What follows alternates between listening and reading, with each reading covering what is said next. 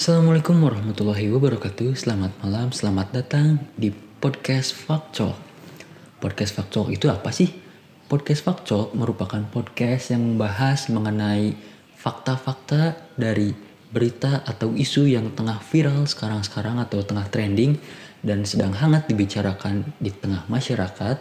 Untuk kita kuak, kupas tuntas mengenai hal-hal apa aja sih yang unik dari isu tersebut untuk nantinya kita keluarkan opini-opini, pendapat-pendapat berdasarkan riset untuk dijadikan pengetahuan dan juga untuk menambah wawasan kita agar semakin terbuka dan semakin luas agar nantinya kita bisa belajar dari hal-hal tersebut dan juga mengambil hal-hal baik dari apa yang kita bicarakan ini.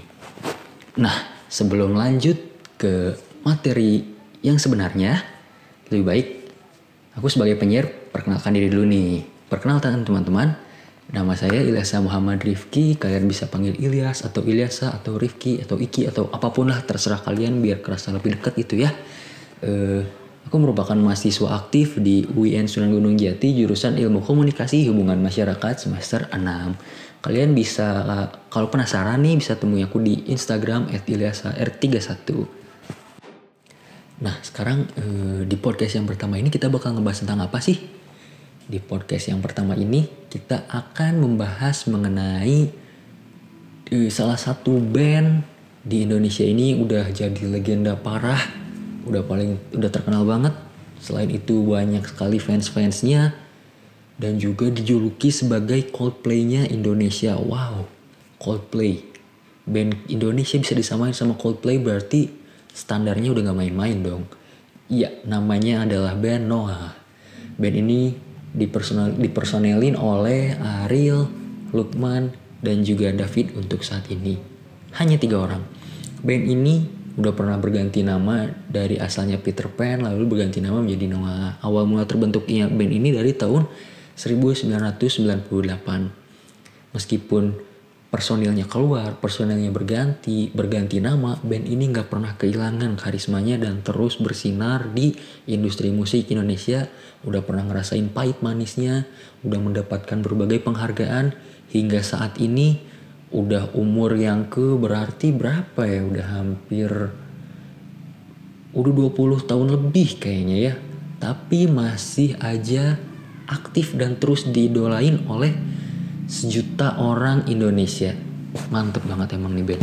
Nah dari cerita-cerita tadi tergambar sudah bahwa bagaimana dedikasi Ben Noah di Belantika Musik Indonesia mulai dari bongkar pasang personilnya yang awalnya Andika dan Indra pada 2006 memutuskan keluar dan memberikan band baru digantikan oleh David dan Lucky lalu selanjutnya Lucky keluar lalu selanjutnya lagi Reza sang drummer pun keluar Lalu yang baru-baru ini di pembuatan album yang sekarang ini adalah Uki yang mengundurkan diri.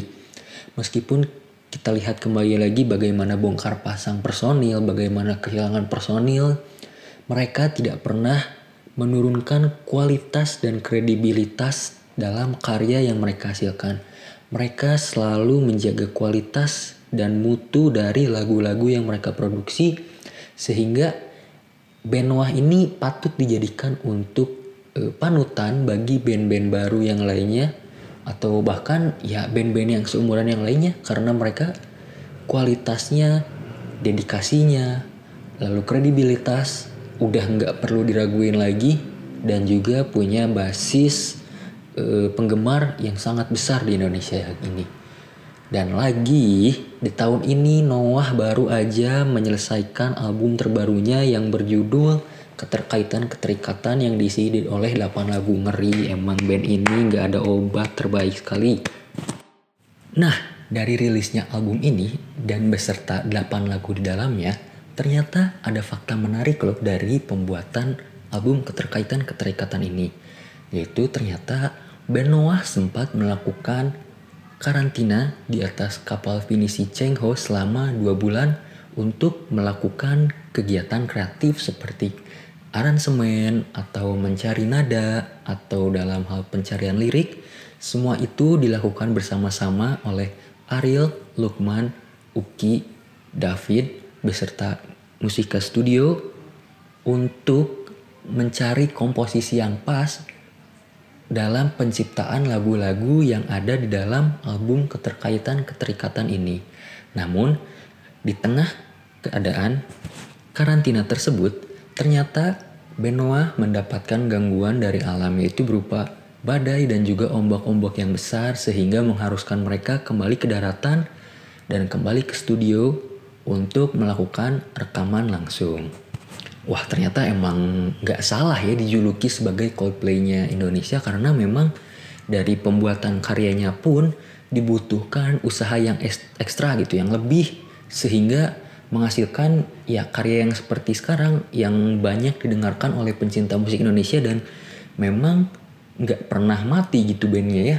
Sementara itu nggak cuman dari gangguan alam aja ternyata di tengah pembuatan album ini salah satu personel mereka yaitu gitarisnya yang bernama Uki mengundurkan diri dari Benoa ini namun Uki sendiri berkomitmen untuk tetap menyelesaikan proyek album keterkaitan keterikatan ini hingga lagu terakhirnya dan bahkan kebanyakan lagunya ini diaransemen oleh Uki sendiri meskipun dibantu oleh personil band Noah yang lainnya. Setelah kita puas menguak bagaimana kisah perjalanan dan juga biografi band Noah yang di dalamnya ternyata rumit sekali untuk menjadi band besar seperti saat ini bagaimana banyak terjadi perpisahan, lalu kedatangan anggota baru menjaga ritme dan juga chemistry karena sering terjadi bongkar pasang tentunya merupakan bukan hal yang mudah untuk dilakukan sebuah grup band dengan anggota-anggota barunya. Enggak cuma dalam hal menjaga ritme, selain itu kualitas Noah dalam menghasilkan karya juga patut diacungi jempol dan dijadikan panutan untuk band-band Indonesia yang lainnya agar bisa menjadi band yang lebih besar lagi dan jadi legenda.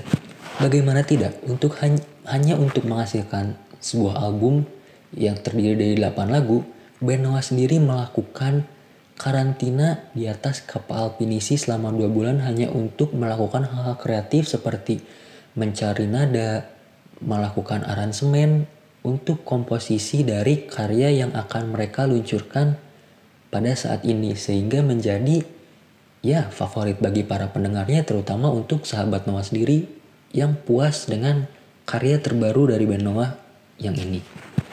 Nah, selanjutnya setelah puas kita menguak mengenai fakta biografi dan juga bagaimana perjalanan pembuatan album keterkaitan keterikatan ini, selanjutnya kita akan membahas mengenai bagaimana fakta-fakta di dalam beberapa lagu yang terkandung dalam band Noah ini.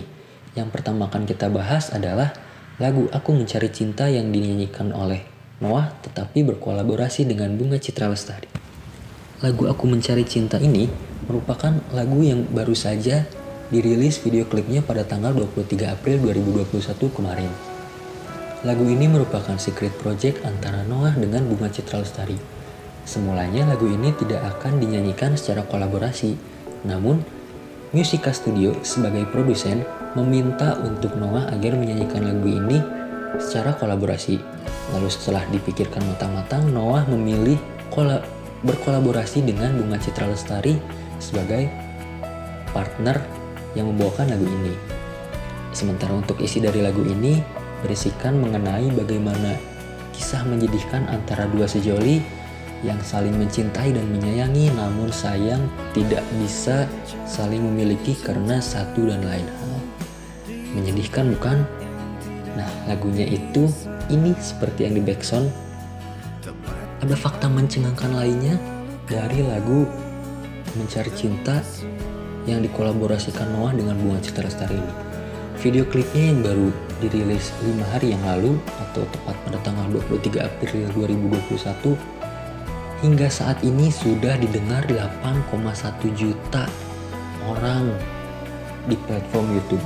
Luar biasa sekali untuk sebuah lagu yang baru rilis dan baru 5 hari sudah didengar dan ditonton oleh 8,1 juta penonton. Luar biasa emang lagu Noah ini. Dan juga sahabat Noah yang selalu mengiringi perjalanan karirnya, yang selalu mengiringi apresiasi dari segala karya yang diluncurkan oleh Noah. Salut dua jempol untuk kalian.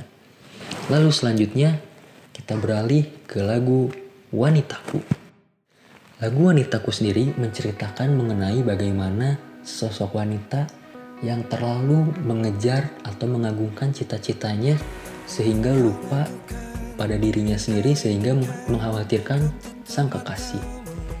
Lagu yang baru dirilis pada tahun 2019 ini hingga saat ini sudah didengar dan ditonton oleh 35 juta orang di platform YouTube. Luar biasa sekali. Sebuah pencapaian yang sekali lagi patut diacungi jempol oleh seluruh pengagum karya musik di Indonesia karena untuk menghasilkan karya yang tidak membosankan bahkan hingga didengar oleh 35 juta orang ini diperlukan usaha dan juga totalitas yang di atas rata-rata untuk menghasilkan karya bagi yang disukai oleh banyak orang seperti lagu Wanitaku ini. Di dalam lagu Wanitaku ini ada beberapa fakta menarik. Di antaranya adalah lagu Wanitaku ini ternyata sudah mulai digarap dari tahun 2017 dan baru selesai atau baru dirilis pada tahun 2019 untuk sebuah lagu yang membutuhkan waktu 2 tahun merupakan proses yang sangat lama sekali. Bahkan untuk menyelesaikan lagu ini, Ariel sendiri beserta kawan-kawan dibantu oleh Ponky Barata karena pada proses penulisan liriknya mereka mengalami kebuntuan sehingga personil Noah meminta bantuan Ponky Barata untuk melakukan finishing pada lirik dari lagu Wanitaku ini. Padahal lagu Wanitaku ini pada 2017 sendiri sudah pernah sedikit dinyanyikan refnya di konser mereka di Gili Trawangan.